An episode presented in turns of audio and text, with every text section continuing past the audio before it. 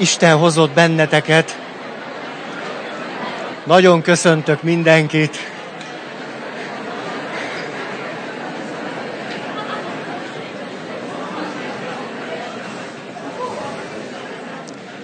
Továbbra sem esik jól nekem, hogy olyan sokan kell, hogy álljatok, hogy nem tudtok mind leülni, és hogy nem igazán megfelelő körülmények között kell, hogy itt legyetek, ez nem esik nekem jól, de tudjátok, hogy mennyire igyekeztünk, meg igyekszünk olyan helyet találni, ahol megfelelően el tudunk férni, de hogy ez nem is olyan könnyű. És aztán rögtön csapjunk is bele a témánkba, hiszen a családról beszélünk. A családról, mint élő rendszerről. Nem szeretnék túl nagy ismétlésbe fogni, viszont egy-két dolgot mindenképpen igyekszek visszahozni, amiket nagyon fontosnak tartok. Mit is jelent ez, hogy a családról, mint élő rendszerrel is gondolkodunk, gyere csak. És ez azt is jelenti, hogy ha bizonyos jelenségeket egy család életében, de persze a saját egyéni életünkre vonatkozóan is. Nem tudunk rendszer szemléletben, rendszer szemlélet által megérteni, akkor tulajdonképpen azt a jelenséget elégségesen sosem fogjuk megérteni. Mondanék is rögtön néhány példát, hogy milyen óriási jelentősége van annak, hogy nem csak ok-okozat, lineáris összefüggésben tudunk gondolkodni, hanem rendszer szemléletben is. És akkor például, hogyha azt a kérdést tesszük föl, hogy miért halnak meg Magyarországon olyan korán a férfiak. Hogyha nem gondolunk arra, hogy talán egy olyan összefüggés, egy olyan rendszer hátteléből érthető csak meg, ma Magyarországon a férfiak korai halálozása, amely rendszer ma fönnáll, akkor megpróbálhatjuk különböző egyéni vagy egyedi sajátosságokra, okokra visszavezetni, ez elégtelennek fog bizonyulni. Annak megértésére, hogy miért halnak meg Magyarországon korán a férfiak. És nyilván így, hogy hozhatnánk például azt, hogy miért égnek ki olyan gyorsan a nővérek a kórházban. Vagy miért halnak meg sokan papok fiatalon szívinfarktusban, hogyha a rendszer úgy működik, hogy egy pap miséről misére, faluról falura rohan, akkor nem biztos, hogy az a megfelelő következtetésünk erre, hogy nem elég edzett. Vagy hogy azt gondoljuk, hogy nem elég rátermett a hivatására. Vagy azt gondoljuk, hogy ha, ha igazán a, a szent lélek ereje és az ő hite dobogna a szívében, és az tényleg Krisztusi hit lenne, akkor bírná. Nem hiszem, hogy ez elégséges magyarázat. Nagyon sokat kaptam attól, amikor egy előadáson a kiégésről volt szó, és a, a kiégéssel kapcsolatban egyetlen mondatot hallatlan, hallatlan erősen bevéstem magamba, ez pedig így szól, nem lehet egyedül kiégni. Hogy a kiégéshez mindig hozzájárul az a rendszer, amiben az illető kiég. Mondjuk erről ennyit. Az ok-okozati összefüggés elégtelensége, és hogy a rendszer szemléletnek a szükségessége, erre még egy példát hadd mondjak.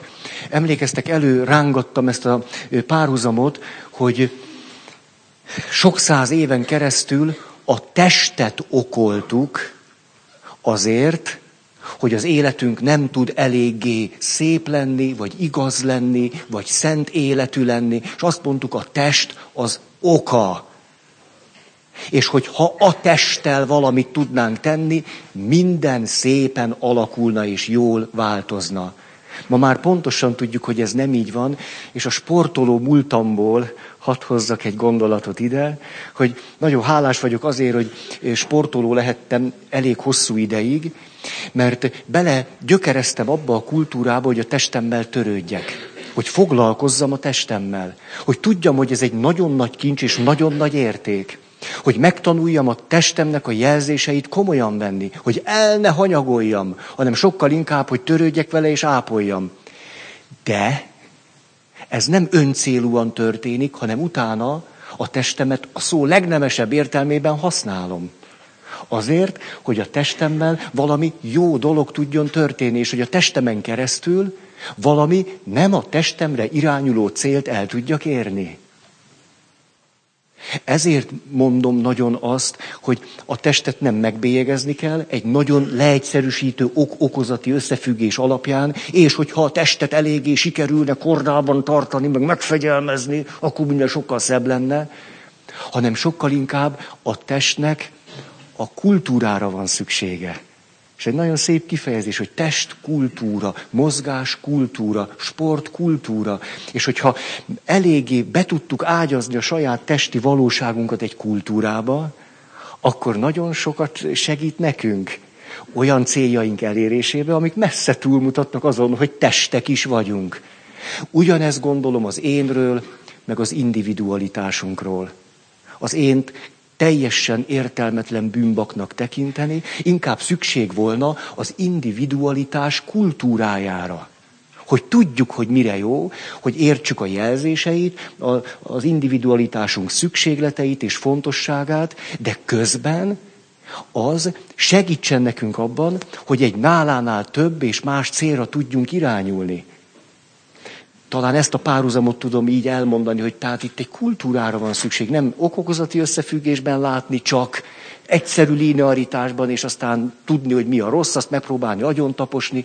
A rendszer ettől nem fejlődik, és az életünk akkor nem gazdagodik. Ez lett volna tehát egy picit a visszanézés, és akkor emlékeztek, hogy beszéltünk erről, hogy egy rendszert nagyon sok minden szervezheti, hogyha egy rendszerben vannak hosszú távú célok, akkor nagyon sok minden abban a rendszerben a hosszú távú célok alapján tud rendeződni. Ha nincsenek hosszú távú célok, akkor mi rendez bennünket a pillanatnyi szükségleteink, fizikai, érzelmi szükségleteink és vágyaink. Ez Érvényes egy családra is, érvényes egy kapcsolatra is, érvényes egy munkahelyre, egy egyházi kisközösségre és bármi másra. Ha nincsenek hosszú távú célok, a pillanatnyi, rövidtávú érzelmi szükségletek, fizikai késztetések határoznak majd meg. Hm. De ide akkor egy másik nagyon fontos dolog, hogy a család azért olyan jelentős, mert ott éppen azt tanulhatjuk meg, ha a család elég stabil és rugalmas, hogy azért, mert a család elég stabil és rugalmas és elég hosszú távú, ezért ott lehetővé válik megtanulni, hogy mit jelent, hogy hosszú távú életcéljaink lehetnek. És ehhez lenne egy fontos megjegyzésem. Hiába vannak valakinek hosszú távú életcéljai, ha nincs hozzá erő, ha nincs hozzá kedv, ha nincs hozzá gusztus, ha nincs hozzá lendület, hogyha nincs hozzá vágy. Ezért például a vágyat teljesen értelmetlen volna egyoldalúan kikiáltani bűnbaknak, hogy a baj a vágyakkal van, azok szétszórnak bennünket, tessék, most is inkább eszel, most is inkább iszol, most is te horkolsz, most is nem tudom, törlöd a szemüvegedet, mint a Péter, hát milyen rövid távú dolgok ezek itt kérem. És csináld nyugodtan, hát, hát azért szóltam én, de hogy is. Sokkal inkább arra lenne szükség, hogy akkor Kübi. Most jöttem rá, hogy mozoghatok. Tíz percbe tellett, hogy ezt érzékeljem. Hogy nem vagyok madzagra kötve. Ez zseniális. Tehát a kutya pozícióból most akkor sikerül ki. Kilépnem. Jó, emlékeztek tavaly, hogy itt mászkáltam? Hát el sem merek indulni. Tényleg, de hát ez zseniális. Hogy csináltátok? El nem mond, nagyon köszönöm, ez jó, jó. Most ezek voltak a rövid távú dolgaim. Tehát, hogy szó sincs arról, hogy a vágyainkat kellene akkor kikiáltani bűnbaknak, az a baj, hogy vannak ösztöneink, az a baj, hogy néha szomjas vagy, meg néha szexuális vágyat érzel. Miért volna az baj? Éppen, hogy a vágynak a kultúráját kellene akkor kidolgozni. Mert ha a vágynak megvan a kultúrája, akkor látjuk, hogy a vágyaink, vannak fölszínesebb pillanatnyi vágyaink, hosszabb távú vágyaink, és vannak egészen mély vágyaink. Egy egész életet nagyon mélyről ö, meghatározni tudó vágyaink. És ha rátalálunk a legmélyebb vágyainkra, azokhoz a halálon túlmutató életcélok tartoznak. Hát halálon túlmutató életcélokra hogy lehet törekedni pusztán csak akarat erőből? Nem kívánom ezt senkinek. Ha akar valaki egy izzadságszagú, ölék boldogtalan, elég sok csalódással teli életet, az akkor halálon túlmutató célokra törekedjen csak akaraterővel.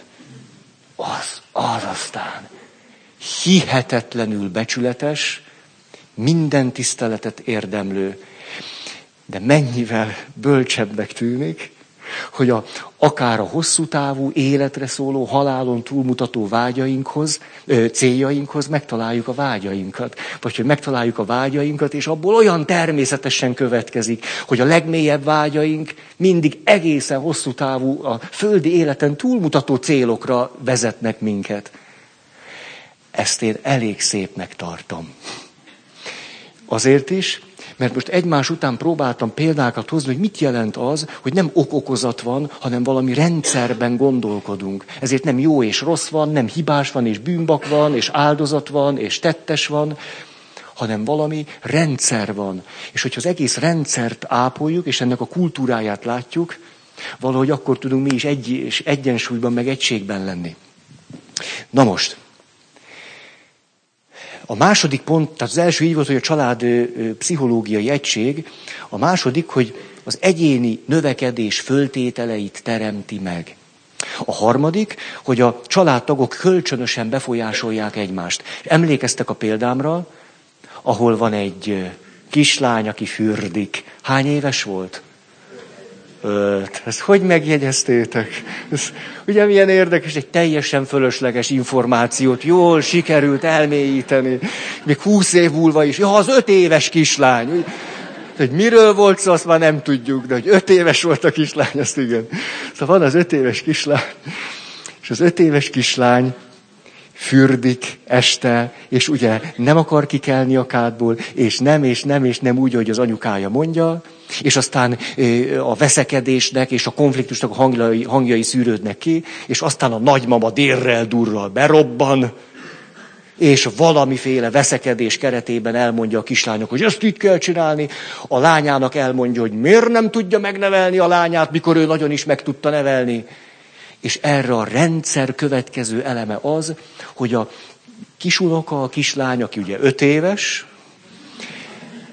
megjuhászodik, nem tudom, hogy egy kislány tud-e megjuhászodni, de hát ő egy ügyes kislány, hogy megjухászodik, és nagyon kedvesen reagál erre a helyzetre, és pikpak valahogy mintha így oldódna meg a helyzet. El nem mondom még egyszer a különböző elemeket, csak oda akarok visszatérni, hogy nem csak arról van szó, hogy teljesen mást él át a kislány, mást él át az édesanyja, és mást él át a nagymama, mert ezeket eddig is tudtuk, meg értettük, a persze, hogy mást élnek át, hanem hogy ők így hárman föntartják azt a rendszert, azt az újból és újból visszatérő történést, amiben mind a három, hárman, mint egy rendszer elemei vesznek részt.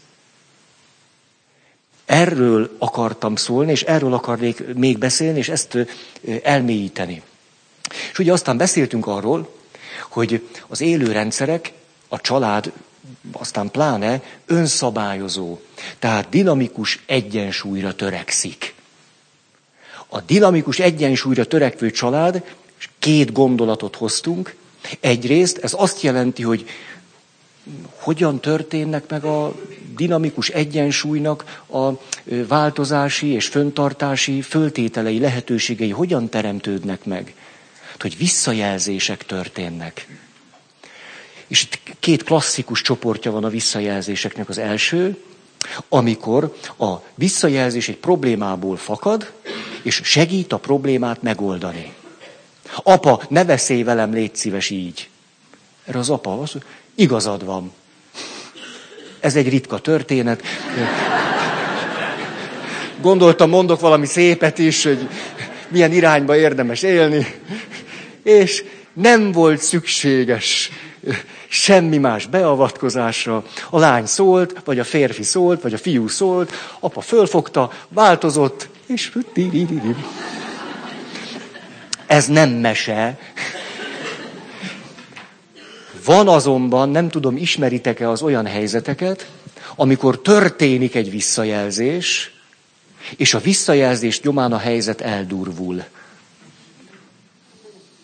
És a helyzet még rosszabb lesz. Képzeljük el, hogy apa, anya, meg a két gyerek vacsoráznak. A fürdés után vagyunk most. A...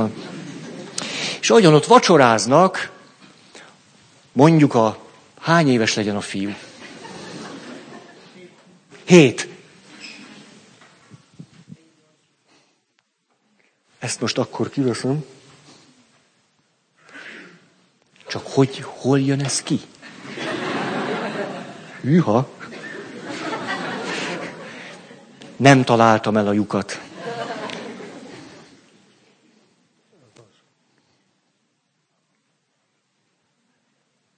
Nagyon köszönöm. Köszönöm. Szóval, hol tartottam? Hét éves. De csak, hány éves volt? Hét. Hét. Fiú volt vagy lány? Fiú. Köszönöm. Jó. Jó, akkor most megvannak az alap dolgok, most visszatértem a történethez. Tehát hét éves a fiú, hány éves a lány? Megvan a történetünk. Tehát ott van a 7 éves fiú, meg az 5 éves lány. És hogy vacsorázik a 7 éves fiú? Hát most ment elsőbe. Hát iskolás már, hullafáradt. Van egy család, annyira édesek, nem tudnak vasárnap jönni, ezért mindig csom, ö, csütörtökön jönnek misére. Kisfiúk ülnek elől, beszéltem már róluk ö, egy alkalommal, nem tudom, ezt említettem-e, a nagyfiú elsőbe ment. Lejött a sekrestjébe két héttel ezelőtt, és így megállt. Szia! Mi van?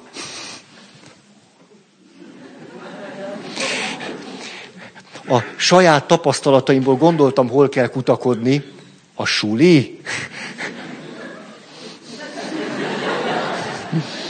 Nagyon utálod? kérdeztem. Nagyon. Ilyen. Hát akkor így elbeszélgettünk erről, nem volt ismeretlen az élmény. Lejött egy hét múlva, kicsit így. Följebb jöttél? kérdeztem. Mm, mm. Kicsit jobb, vagy nagyon? Kicsit. Így kíváncsi vagyok, mi lesz most hétről hétre. Na most képzeljük el ezt a hét éves kisfiút, aki azért, mert iskolába kell menni, kire dühös éppen? El tudjuk képzelni, hogy mondjuk az apukájára, meg az anyukájára, mert ők mondják, hogy iskolába kell menni, hát akkor rájuk mérges. És mi történik? Hogy fejezi ki ez a hét éves kisfiú a fáradtságát, a dühét, azt, hogy tanulnia kellett, ahelyett, hogy nézhetett volna lolkabolkát? Ha ez nektek mond valamit, ifjú barátaim. Szóval, ahelyett, hogy azt nézte volna, ahelyett a betű, a betű, a betű. Hát persze, mikor ott ül a vacsoránál, ütögeti a parizert. Sajtot nyomkodjunk. Ez egy tipikus visszajelzés. Ezt hívják visszajelzésnek. Nem a vacsorára vonatkozik a visszajelzés, mert szereti a Párizsit is, meg a sajtot is. Az iskolára vonatkozik a visszajelzés, és a szüleire ö, irányul. Mi történik? Az apa, aki egy magyar apa, korán fog halni,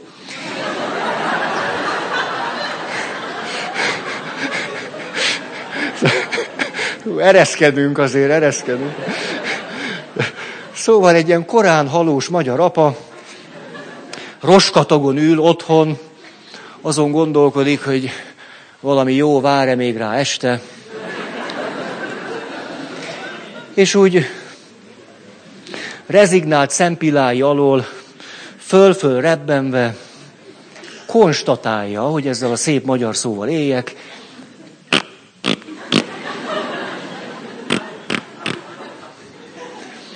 Ugye nem biztos, hogy korán haló magyar édesapa hallott a rendszer szemléletről, tehát kizárólag a Párizsig, meg a sajtig lát. Eddig szeretted. A gyerek nem is érti, ezt ő is tudja. Hát ettől semmi nem fog megváltozni. Még kétszer próbálkozik, hogy nem megmondtam, hogy üljél rendesen. Hogy ülsz itt? Hát már iskolás vagy.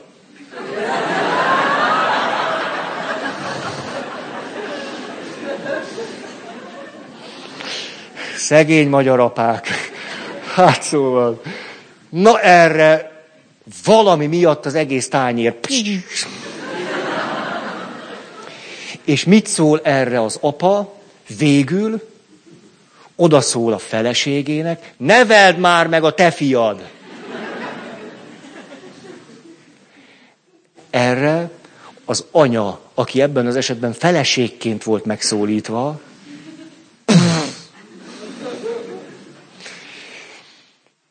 most, hogy miért ezt szerintem hagyjuk is.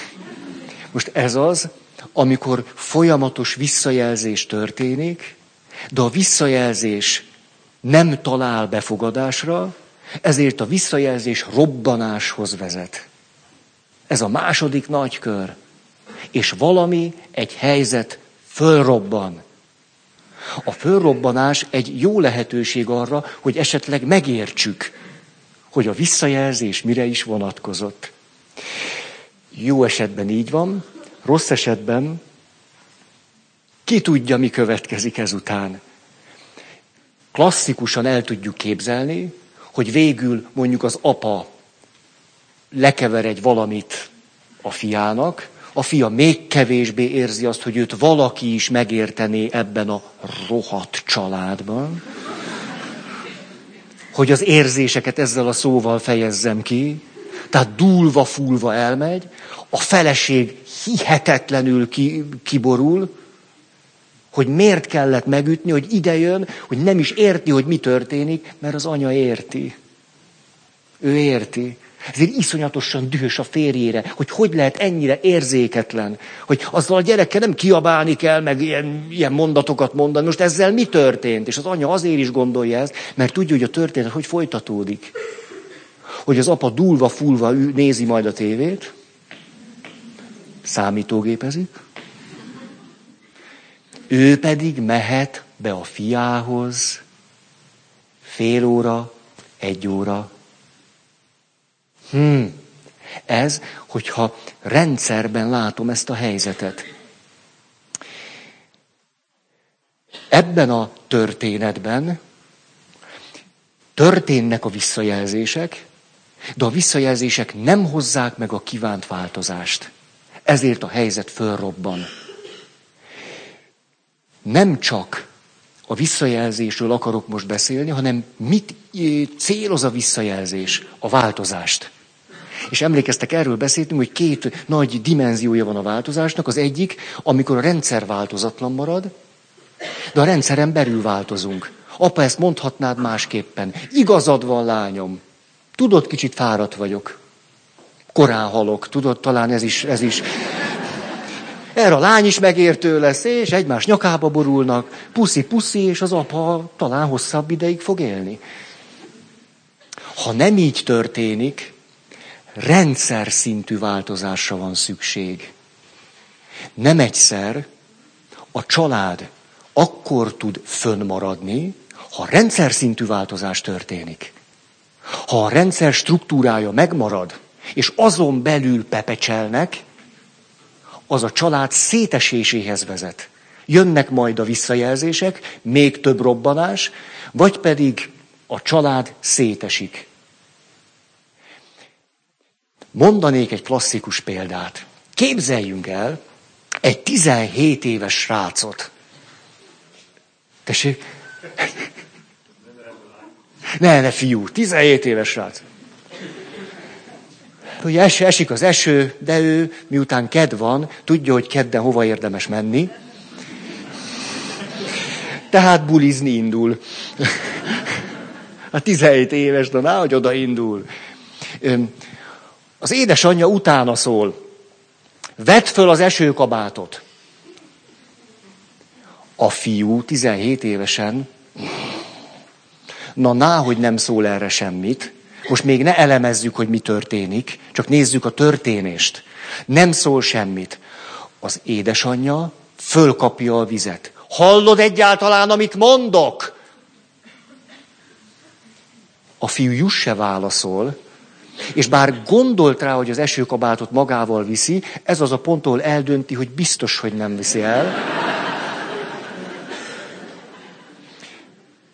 Az anya pedig, hogy a saját feszültségét valahogy oldja, kirobban az előszobába, és látja, hogy a fia éppen esőkabát nélkül indul el, és azt mondja, na neked aztán hiába beszélek, ez vagy te. Mi a válasz? A fiú fogja, és úgy lendületből még puff, becsapja az ajtót.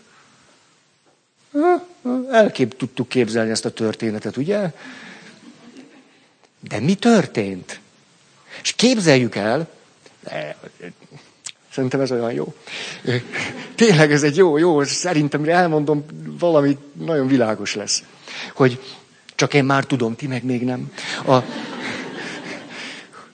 annyira szívesen elkezdenék mászkálni, csak az irántatok való jó indulatból nem teszem, hogy itt elől ültök, és akkor én meg ott vagyok. Hát, piszokság.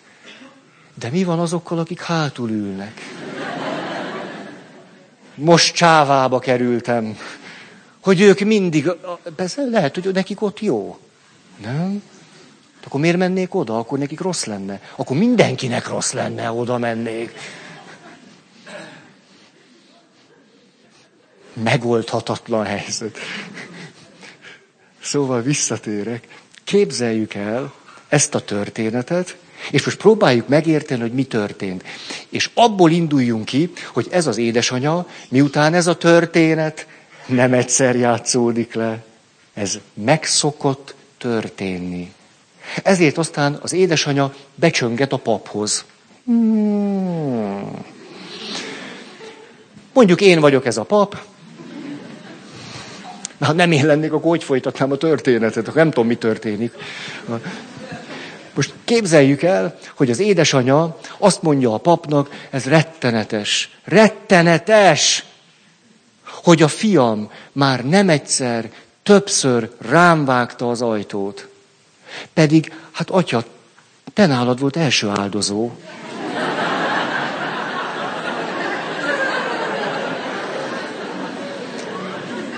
Uh, ugye ez egy meghívó mondat sok mindenre,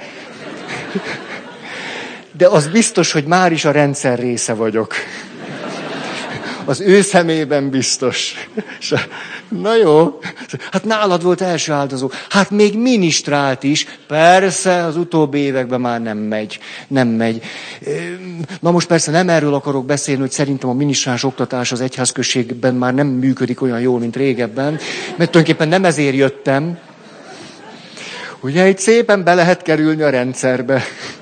Úgy be lehet szívódni, hogy pontosan meg lehet ismételni azt a teljes értelmetlen kuszaságot, amiből ő egyébként érkezik. Tehát ilyenkor én felülem szíthatja nyugodtan a minisztránsokat, a minisztráns vezetőt, a plébánost, a plébániát, följebb nem merek már még gondolni se. Szóval igyekszem nem lépre menni. És minden esetről akkor elmondja, hogy de hát ez a gyerek tulajdonképpen egy, egy nagyon tisztességes egészségedre. Egy milyen katonai jackid van. De durva. Hogy va- megmutathatom? Tehát, hogy valaki aki egy ilyen érdekes katonai jackibe jár, nő létére, ezt egy egyszerű ok-okozati összefüggéssel nem lehet megérteni. ezt kizárólag egy rendszer sajátos elemeként tudnánk valamiképpen, de akkor is csak jelenség szinten megragadni, úgyhogy le is teszem. Ha elmesélnéd. Szóval, ó. Tehát az édesanyánál tartunk, le is ülök, mert így. Az édes hasi légzés. Az édesanyánál tartunk, aki elmondja, hogy tulajdonképpen nem érti, hogy az ő rendes fiával mi történt.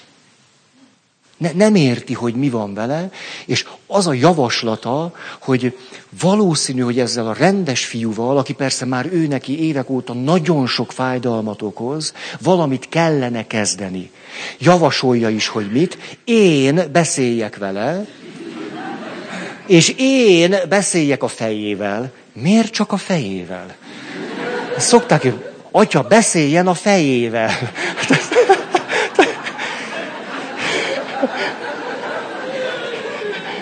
magunk között szóba, nincs ebben valami rejtett agresszió? Francia forradalom, mint háttérkép nem úszik be?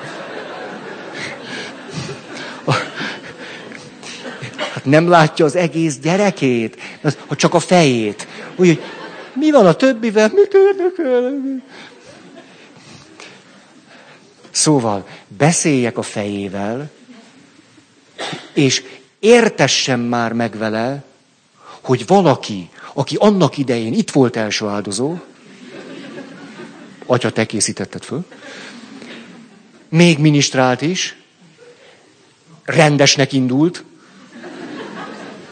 én és az apja mindent megadtunk neki azért, hogy tudhassa, hogy egy rendes ember hogyan viselkedik, nem csak otthon, hanem bárhol, máshol is, ahol jár kell.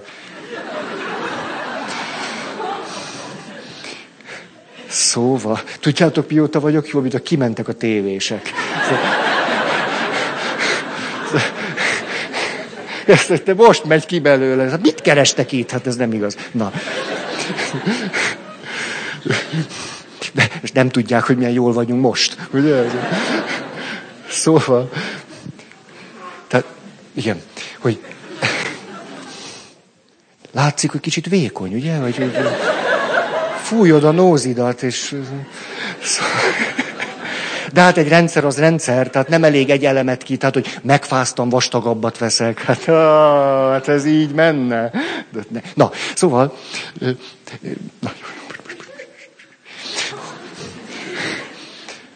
Szóval elmondja nekem, hogy tulajdonképpen a gyerek, így tudnám összefoglalni a problémát, agresszív az utóbbi években tendenciózusan egyre inkább agresszívvé vált.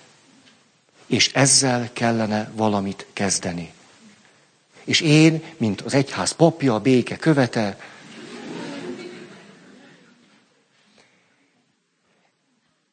ha azt gondoljuk, hogy itt a fiúnak az agresszivitásával kellene valamit kezdeni, és én jól elmondom, hívom a fiút. Hát mit hallok rólad? Ha anyád miket mondod? És amit anyád mond, az úgy van. Na ülj csak le. Esetleg én egy nagyon ö, ö, széles látókörű pap vagyok, és azt mondom, pszichológus kell neki. Az. Mindenképp. És elmegy egy pszichológushoz, és a pszichológus elkezdőt agresszió ellen kezelni és ezt nagyon csúnyán mondtam, tehát megküzdési stratégiákat tanul meg, stresszkezelési technikákat, relaxációs technikákat, és mindent azért, hogy azt az ajtót ne csapja be. Teljes félreértése a helyzetnek. Mert nem az történik, hogy a gyerek agresszív, hanem az történik, hogy abban a helyzetben, abban a családi rendszerben, abban az összefüggésben agresszív a magatartása. És ha megértem, hogy egy 17 éves fiúról van szó, aki szeretné a saját életét elkezdeni élni, de persze, hogy erre még nincs úgy lehetősége, ahogy egyébként ezt szeretné, És egyébként nagyon jogosan úgy érzékeli, hogy az édesanyja nem tartja eléggé tiszteletben az önállósulási törekvéseit, hogy még mindig úgy látja őt, mintha tíz éves lenne, úgy beszél vele, és úgy kezeli, akkor tulajdonképpen a 17 éves fiú, amikor hallgat, és amikor becsapja az ajtót, egy visszajelzést ad, persze egy egyre inkább a robbanás felé vívő visszajelzést, aminek mi a célja? Nem az, amit az édesanyja gondolhat, hogy meg akar bántani, hogy mivel érdemeltem ki, hogy ezt kapom tőle. Hát hogy, hogy lesz belőle aztán ember? Hát mennyit tettem én érte? Hogy mindaz az érzés és gondolat, amit az anya elmond és átél, nem szól arról, ami ott történik. Hanem arról szól, hogy a 17 éves fiúnak a visszajelzései rendszer szintű változásra szólítják föl a családot. Vagyis az édesanyának és az édesapának meg kellene érteni, hogy ez a család többé már úgy nem működhet, ahogyan eddig. Hogy többé már pusztán csak azokkal a szerepekkel nem működhet, mint eddig. Hogy valamiképpen például annak az édesanyának vagy édesapának felnőtt a felnőttel kellene tudni elkezdenie beszélni a saját gyerekével. Ez egy rendszer szintű változás. Többé bár az én gyerekem nem úgy beszélek vele, mint a gyerekemmel, hanem mint egy felnőtt a felnőttel. Ettől ő még a gyerekem marad, de elfogadom, hogy az, ahogyan eddig kapcsolódott a, a fiú, a lány, az apa és az anya egymáshoz, az egy olyan rendszert alkotott, ami addig volt megfelelő a gyerekeknek, amik kicsik voltak. Most azonban, hogy kezdenek felnőni, más struktúrára van szükség. Ezért itt a visszajelzés nem arra utalt, hogy valakinek egy picit másképpen kell kommunikálnia, vagy mondania, vagy nem tudom én mit tennie kedvesebben, hanem hogy rendszer szintű változásra van szükség. És itt van egy, egy hihetetlen fontos dolog. Ezt így lehetne megfogalmazni, tehát a gyerek nem mondhatjuk azt pusztán csak, hogy agresszív, mintha ez az ő saját személyiségének teljesen csak egy rávonatkozó tulajdonsága lenne. Hanem akkor értjük meg, hogy mi van ezzel a gyerekkel, ha a rendszerben látjuk, és azt mondjuk, nem arról van szó pusztán, hogy a gyerek agresszív, hanem arról, hogy agresszióval válaszol a családnak a működésére, ahogyan az a család az utóbbi hónapokban vagy években működik. Arra válaszol így, mert ez a gyerek lehet egyébként, a barátai között van, esze ágába sincs ajtókat csapdosni. És az iskolában sem csapdos ajtókat. Abban a rendszerben csapdos ajtókat. Hogy rendszer szintű változás történhessen. Miért olyan hihetetlenül fontos ez? Mert a család élet történetének, emlékeztek, mondtuk, megvannak a ciklusai. Minden ciklusváltáskor rendszer szintű változásra van szükség. És nem csak én, mint apa, anya, Feri, Laci, Mari, Kati tudok ellenállni bizonyos változásoknak, hanem mint a családnak egy tagja. És a család, mint egész is képes bizonyos nélkülözhetetlen változásoknak ellenállni. Hadd mondjak most nagyon sok ilyen példát. Mindenképpen rendszer szintű változás az, amikor egy fiatal ember, egy másik fiatal emberrel, most gondoljuk el ezt, hogy egy férfi meg egy nő, házasságot köt. Amikor ők házasságot kötnek, az eredeti család számára ez rendszer szintű változást kellene, hogy jelentsen. Amikor elköltöznek, egy újabb rendszer szintű változás történ, kellene, hogy történjen. Amikor megszületik az első gyerek, hihetetlen radikális rendszer szintű változásra van szükség. Amikor megszületik a második gyerek, ugyanígy. Amikor az apát kirúgják a munkájából, és egy évig keres állást, rendszer szintű változásra van szükség. Amikor az első gyerek serdülő lesz, amikor az első gyerek iskolába megy, rendszer szintű változásra van szükség. Így tovább, egy család életében, ha például több gyerek születik, akkor mindig megváltozik a rendszer, és mindig rendszer szintű változásra van szükség. Ezért ez azt jelenti, hogy sokszor egy család évente ó, rendszer fejlesztésre szorul. Meg kell változni a rendszernek. Ezért a családtagok rengeteg jelzéssel, sokszor nem pusztán csak az individuális szükségleteiket fejezik ki, amikor a Párizsit püföli a kanállal, akkor nem a Párizsira irányul ez, nem az étkezésre, nem is arra, hogy tudom milyen, hanem hogy iskolába ment a hat éves kisfiú. Ó. Akkor tud egy család hosszú távon fönnmaradni, és nyilván a családnak az alapja a férfi és a nő házassága, vagy párkapcsolata, vagy társkapcsolata, tehát a párkapcsolat. A párkapcsolatban is megvannak ezek a kritikus pontok.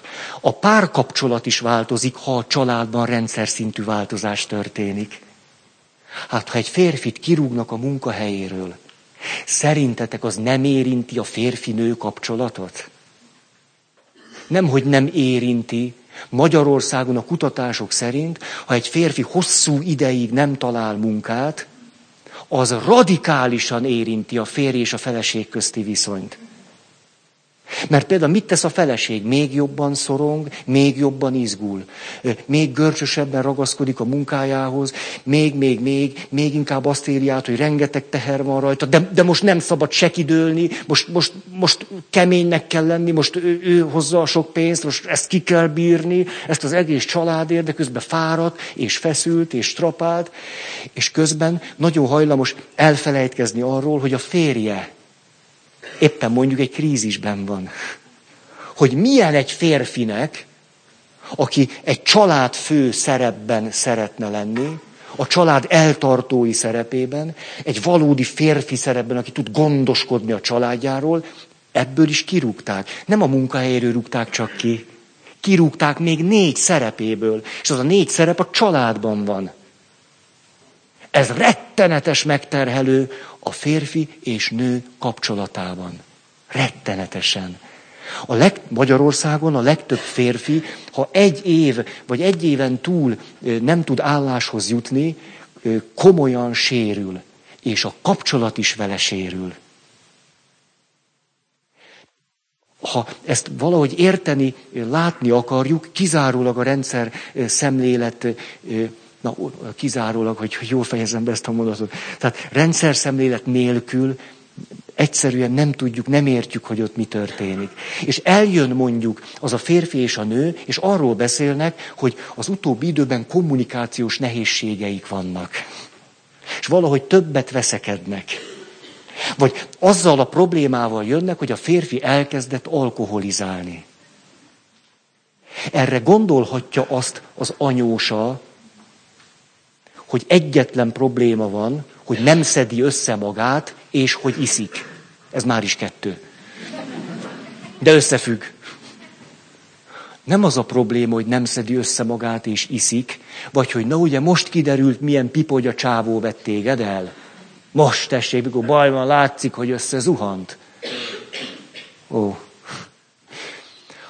Hanem, hogy kirúgták őt a a férfi szerepeinek a feléből, és nem találja az új helyét a megváltozott rendszerben. Hogy neki valahogy meg kellene találnia a helyét ebben az új rendszerben. De akkor a feleségének is meg kellene találni a helyét az új rendszerben, és valahogy a gyerekeknek is meg kellene találni a helyüket ebben az új rendszerben. Unalmas ez, amit mondok, vagy, vagy nem? Ez, ez oké? Okay? Csak úgy, úgy, mint egy picit köröznék már ugyanott, és csak ezt olyan fontosnak érzem, hogy valahogy az van benne, hogy ezt mélyítsük el, vagy hú, ha ezt valaki megérti. Hogy teljesen másképpen tudunk mindenhez hozzáállni. Teljesen másképpen, mint eddig. Jó. Na, inkább akkor cserélek. Nem tudom, miért jó, de jó. Üm, igen, azt hiszem, hogy ide érdemes még hozni, hogy üm, ma egy olyan jelenségnek vagyunk a tanúi, hogy a család természetes életciklus váltásaikor ebben, vagy ezzel összefüggésben a házastársak természetes életciklus váltásaikor nagyon könnyen gondolják akár mind a ketten, hogy nem erről van szó, tehát a több konfliktus, a több veszekedés, a több szorongás, a több indulat, a több elégedetlenség, a fokozódó boldogtalanság, az semmi másról nem szól, mint hogy nem te vagy az igazi. Tehát egy teljességgel individuális választ adnak rá. Hogy én most nem vagyok boldog, és ez mi másért is lehetne, mint hogy kiderült, hogy nem te vagy az, akivel meg kellett volna házasodnom. Most ezt nagyon leegyszerűsítettem, de minden ilyen életciklus váltáskor, Hát ez milyen, milyen jó. Minden ilyen életciklus váltáskor ez a szemléletmód előkerülhet. Mennyivel bölcsebbek vagyunk akkor, hogyha költöztünk, gyerek született, másik gyerek született, didi, didi, didi, didi, didi, akkor tudjuk, hogy itt egy rendszer szintű változásra vagyunk felszólítva. És amíg most éppen az egyensúlyunkból esünk ki, persze, hogy nem érezzük jól magunkat. Általában nem szeretünk kiesni az egyensúlyunkból. Augusztusban jártam Bécsben, elmentem a Práterbe. Hát Vidám Parknak nevezik azt a helyet, ahol az egyensúlyunkból élvezettel esünk ki. Föllőnek, megforgatnak, bezúznak, mi ezt nagyon élvezzük, még fizetünk is érte, de utána köszönjük szépen azért. Hát eleve az egyensúlyból kiesni, és azután változni rettenetesen fárasztónak, nyűgösnek, nehéznek, értelmetlenek és feleslegesnek tűnik sokszor annyira tudunk a stabilitáshoz ragaszkodni, és nem akarni, és nem tudni változni, hogy ilyenkor törések történnek. Ahelyett, hogy megőrizve a stabilitásunkat elég rugalmasan tudnánk struktúrát váltani, és úgy akkor tudna menni az élet. Új és új struktúrák. Ehelyett töréspontok vannak. Szerintem ezt nagyon érdemes tudni. Nagyon, nagyon. Ezért valaki hoz egy, egy problémát, hogy én boldogtalan vagyok, ezzel tulajdonképpen még semmit nem értettünk meg. Tehát erre azt válaszol, hogy boldogtalan vagy, válj el.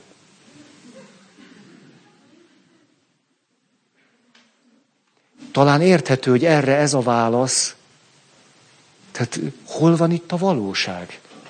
Hát fogalmunk sincs, hogy mi az az összefüggés, amiben most valaki... Akkor most mondok még valamit.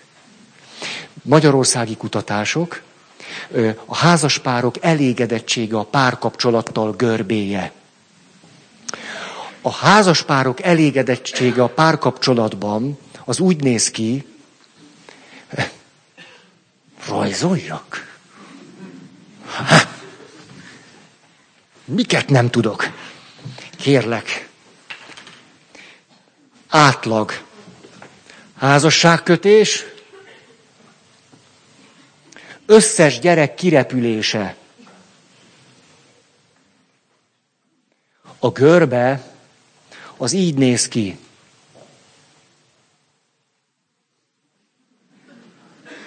Vagyis, most értelmezem,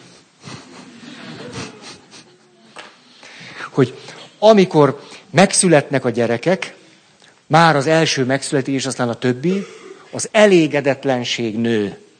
És mindaddig fönnmarad, ameddig a gyerekek el nem mennek. Magyarországon az elégedetlenség a férj és a feleség között pusztán azáltal, hogy a rendszer megváltozik, és gyerekek is vannak, és ezzel a szerepek bővülnek, nőnek, és egy csomó feladat, meg minden, ezt úgy értelmezik, mert ez egy értelmezés, hogy, hogy tök jól kezdődött minden, de ahogy jöttek a gyerekek, valahogy minden tök nehéz lett, iszonyú nehéz, az ott az elégedetlenség. És ha nem töréspontok voltak, hanem ciklusváltások, akkor végül, amikor a gyerekek elmennek, akkor visszatalálnak egymáshoz. És azt mondják, de hát milyen szép is volt ez. Hú, hát nehéz volt, de hú. Most ugye két kérdés van. Ki bírja ki ezt az egész folyamatot? A másik, hogy nem bölcsebbe eleve látni, hogy amikor a család természetes életciklusai és életciklus váltásai nyomán folyton folyvást a kapcsolatra is egy teher hárul, hogy az nem kizárólag te rólad szól. Tehát nem arról van szó, hogy a férfi egy lehetetlen alak, mert este 11-kor már csak a távirányító És ha még legalább végignézne valamit. De azt is tudjuk a kutatásokból, hogy egy férfi pontosan addig néz egy valamit, ameddig oda nem jut teljesen ösztönösen érzelmileg, hogy abból valami probléma nem áll elő, amivel kapcsolatban ösztönösen elkezdeni azt megpróbálni megoldani. A férfi azért nyomkodja a kapcsolót, mert a pontosan, ahol már valami dolgoznia kéne a látottakkal, akkor átvált.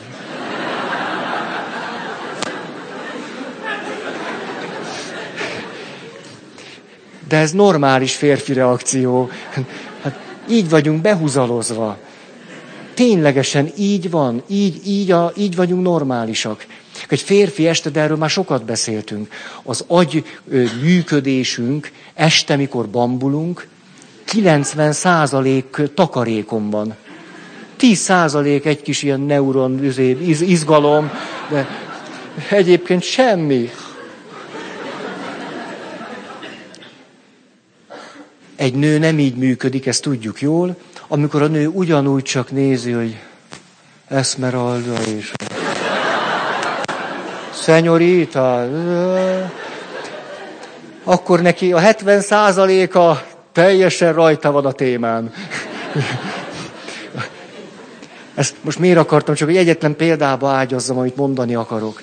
Hogy ha amikor megnő a terhelés, új rendszernek kell fön, fölállnia. A gyerekek éppen iskolát kezdenek, vagy éppen óvodát kellett találni, és beszokik az óvodába, ezért bepisil, akkor hazajön, otthon is bepisil, és amit már tudott, most már azt nem tudja.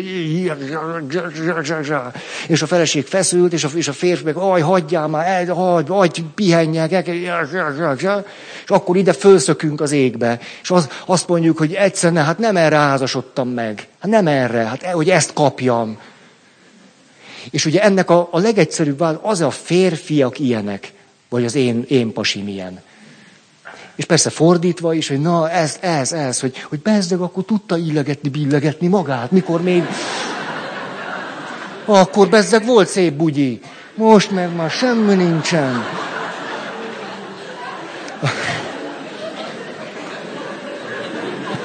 Nem csak gyakorló kabát van, tehát...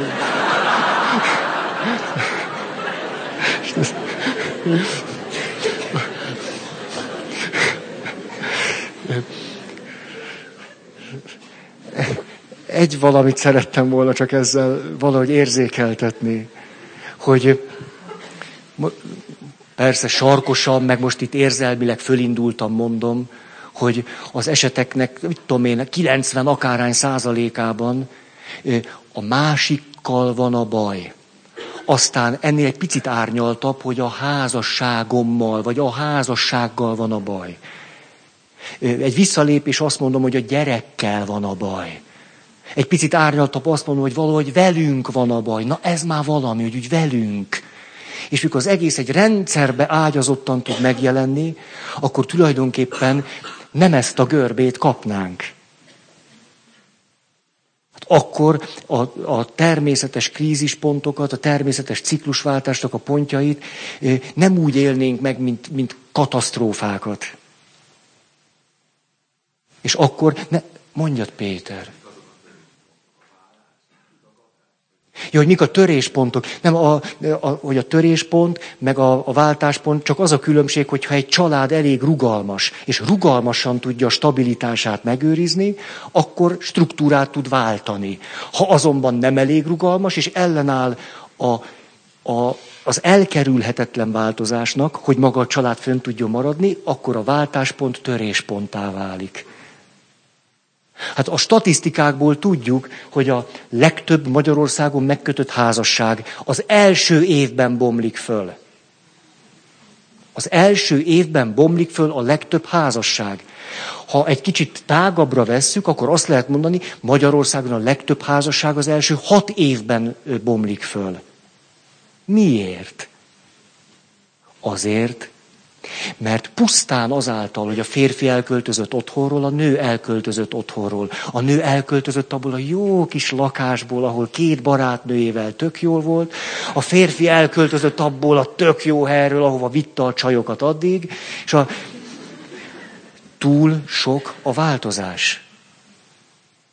Tehát az, ahogy a nők egyáltalán párrá, szerve, házas párrá szerveződnek, és új otthon van, és ez egy új struktúra, és minden megváltozik, tulajdonképpen már az első lépésnek a természetes váltópontján elakadnak. Erről szól sok esetben. Nyilván sok minden van, az élet ágas-bogas. De sok esetben erről szól. És miért az első hat év? Például azért, mert az első hat évben rengeteg változás történik, mert elköltözünk, munkahelyet váltunk, megszületik az első gyerek, rossz esetben kettő is születik, újabb radikális, döbbenetes változások, három. A két-három gyerekhez költözni kell, a költözés ugye, gyökérkitépés, új hely, nem is tudunk ott lenni, a munkahelyváltás miatt több pénz kell, az a, az a munkahely nem jó, át kell menni más munkahely, más város. És mindez úgy csapódik le az elménkben, ha szabad így mondani, hogy amikor megkérdezi egy kutató, hogy mennyire elégedett a házasságával,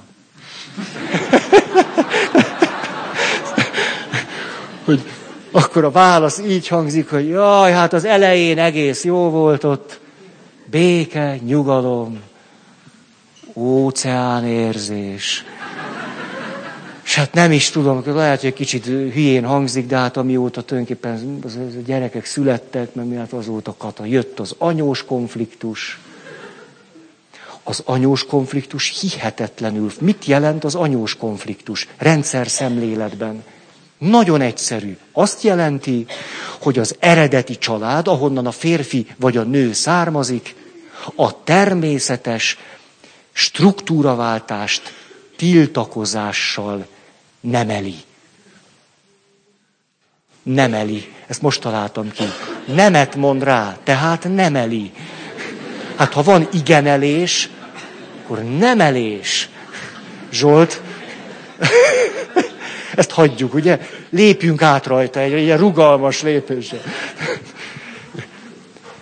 Az, ahogyan sokszor a 20, 30, 40, 50 éves gyerekének a természetes életciklus, házastársi ciklus, családi ciklus váltásaira reagálnak az eredeti családban, az egészen tönkre teheti, vagy ellehetetleníteni, ellehetetlenítheti az új családnak a kialakulását. Nem a működését, kialakulását.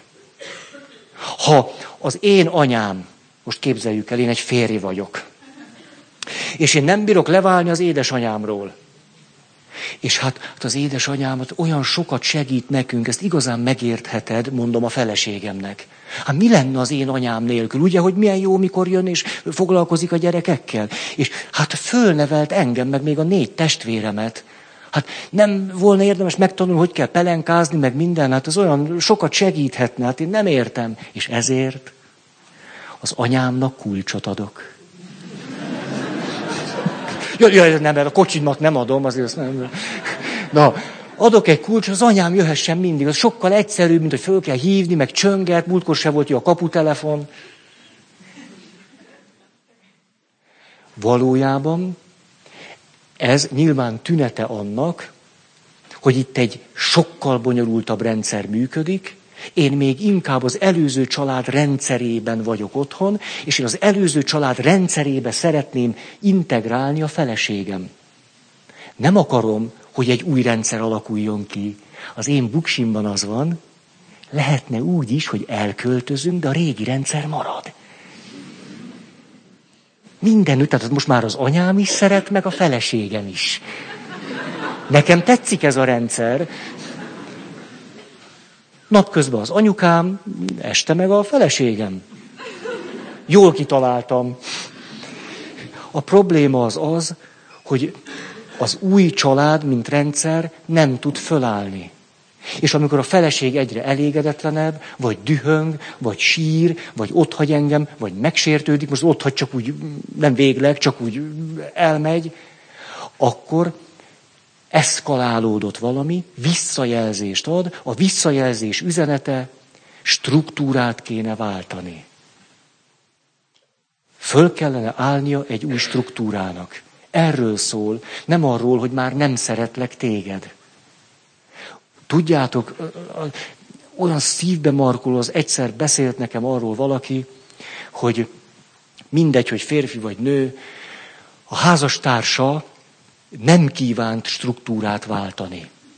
Ezért, amikor a munkából hazament, ő mindig az eredeti családjába ment haza. Ott még elbeszélgetett az anyukájával, apukájával, ott is vacsorázott meg. És utána ment, hát hogy hova ezt nem is tudjuk.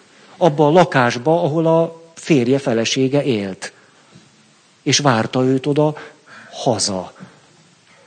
És ez a valaki mondta nekem, hogy tudod, volt olyan, mint két éve voltunk házasok, és én már hazaértem, társam meg még nem, és kiültem az ablakba, levettem a jegygyűrűmet, és kidobtam.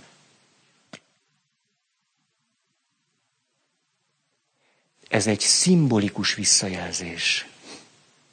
Hogyha nem tudunk fölállni egy új struktúrában, ennek vége lesz. El se kezdődik. Valójában el se kezdődik. Hmm. Hmm. Ezeket nagyon át akartam nektek adni, és most még akkor van tovább is. A, a rendszer, hogy mondjak valami bíztatót, önszabályozó. Vagyis, hogy a 17 éves fiút nem kell megtanítani arra, hogy visszajelzéseket adjon. Megy magától. A feleséget se kell külön megtanítani veszekedni, csinálja. A férfit sem kell megtanítani tévét nézni, mert tudja csinálni azt. És ezek mind jelzések a rendszerre vonatkozóan is. Na most, az, hogy egy, egy család önszabályozó, de közben rendszerként működik, és a rendszernek a, a, a stabilitását igyekszik föntartani, homeosztázis. Ez rettenetes, de jó, hogy végeztem valami kis iskolát, mert egy ilyen szó, ez... Mondanék erre egy történetet, az pont 10 perc, akkor az, hogy családterapeuták milyen, milyen módon próbáltak tényszerűsíthető adatokhoz jutni a családnak, mint rendszernek a működéséről. Muszáj innom egy kicsit. Na most szépen megdöntöttem, most ki fog lőni? Lerakhatom? De most úgy izgulok. Jó, megvan. Jaj, kaptam egy visszajelzést, erről jut eszembe, hogy ilyen párában, melegbe, összezsúfoltan ültök, hogy etikátlan kólázni.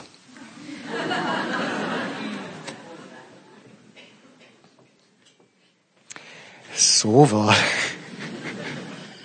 De én beszélek, azért ez egy némi, némi, némi indok. Valódi történet, amit mondok, a szakirodalom hozza. Apa, anya, két lány. Öt éves, meg hét éves. Nem tudjuk, nem is érdekes, hogy pontosan hány évesek. Mind a kettő asztmás. Az egyik kislány, a kisebbik, a gyógykezelésre nagyon jól reagál. Az orvosságokra nagyon jól reagál. Amikor azt más rohamai vagy dolgai vannak, akkor a gyógyszer segít neki.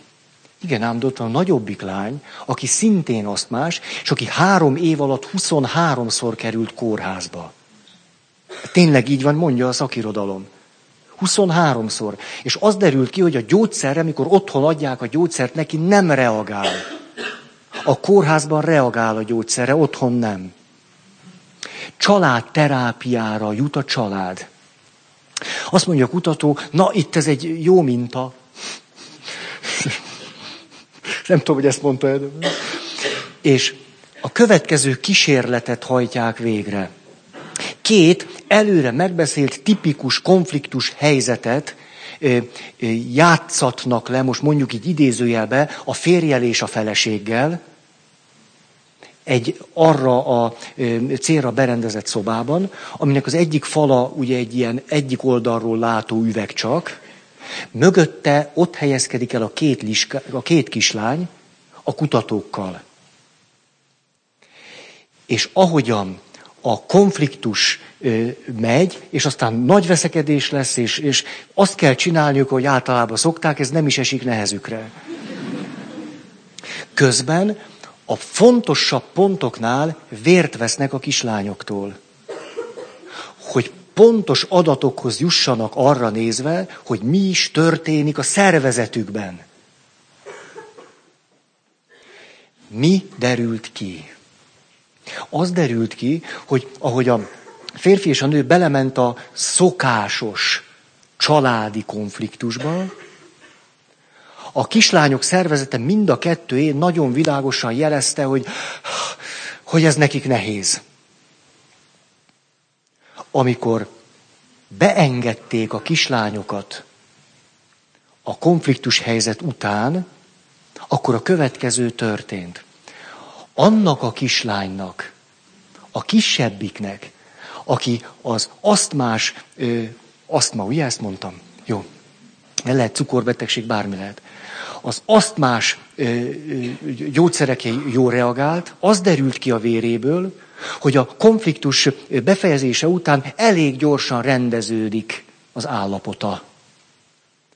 A másiké a nagyobbiké, akit három év alatt 23-szor vittek kórházba, körülbelül másfél órán keresztül még egy kórosan, most mondjuk így egy ilyen izgalmi állapotban van. És azt nem értették, hogy mi okozza a különbséget. Miért van az, hogy az egyik kislány vége a konfliktusnak, akkor jól lesz, és jól reagál a gyógyszerekre, a másik pedig nem?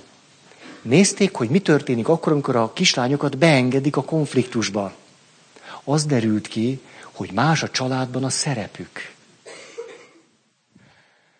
A nagyobb kislány, aki súlyosabb betegség tünetekkel van, az apa és az anya is a saját pártjára igyekszik állítani.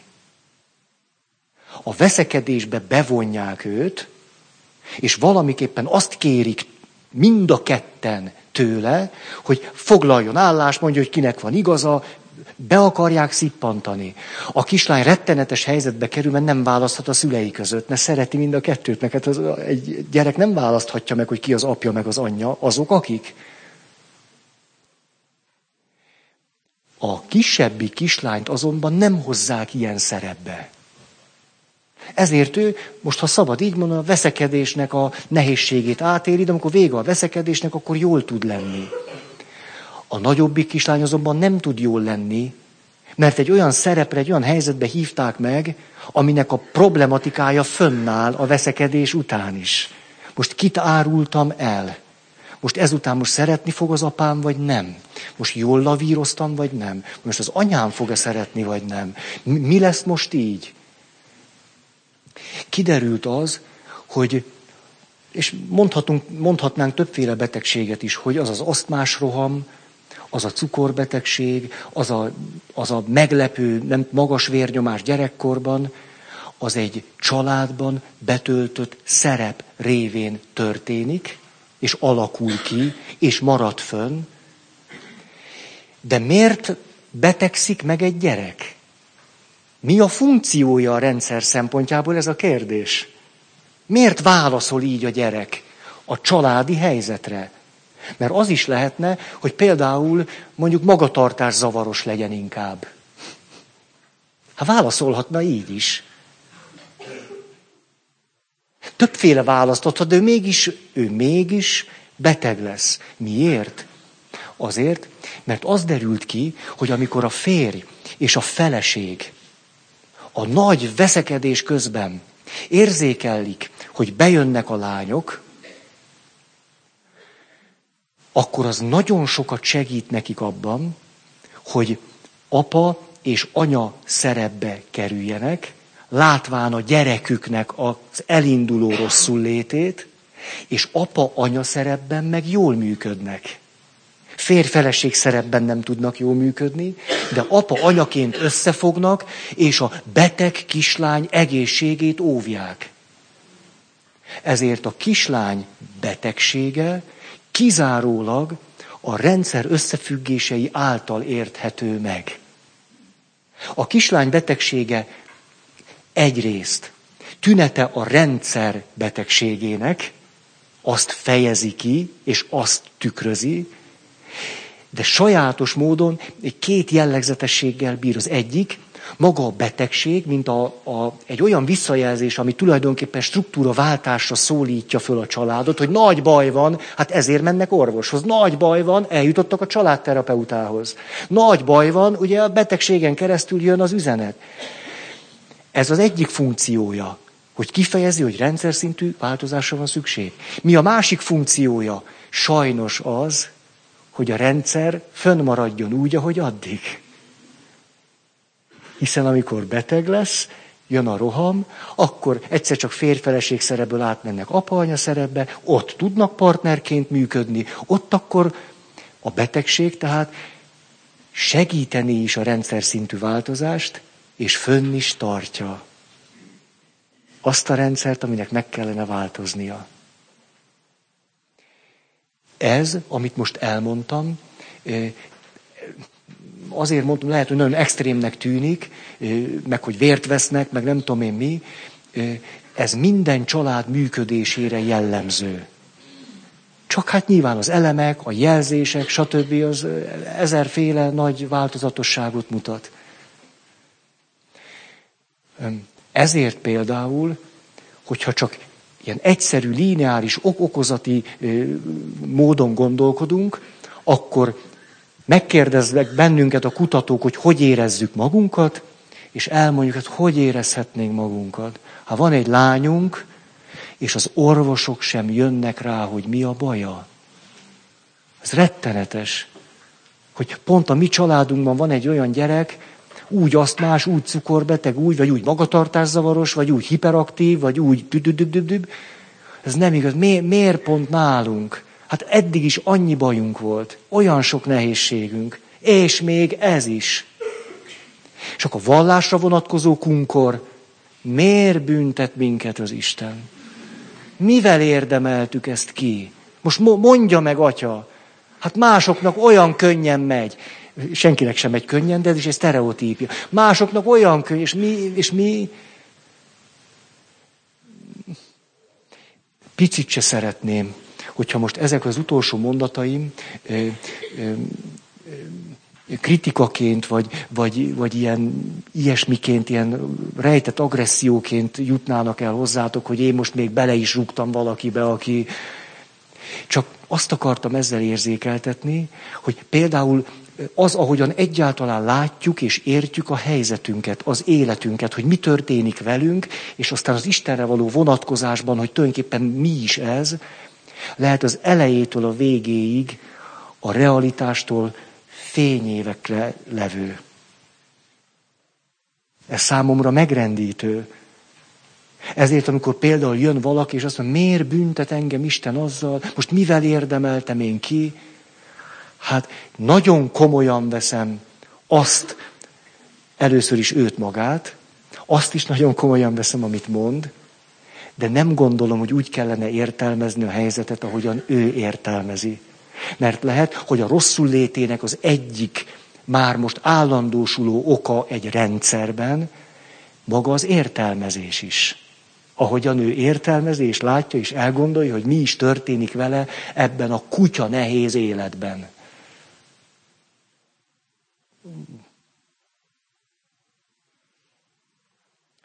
Ennyit tudtam. Mondtam, már múlt is, hogy jó, könnyékig beletúrtunk. Ezt nagyon köszönöm a figyelmeteket. Egy hirdetés, most én, én.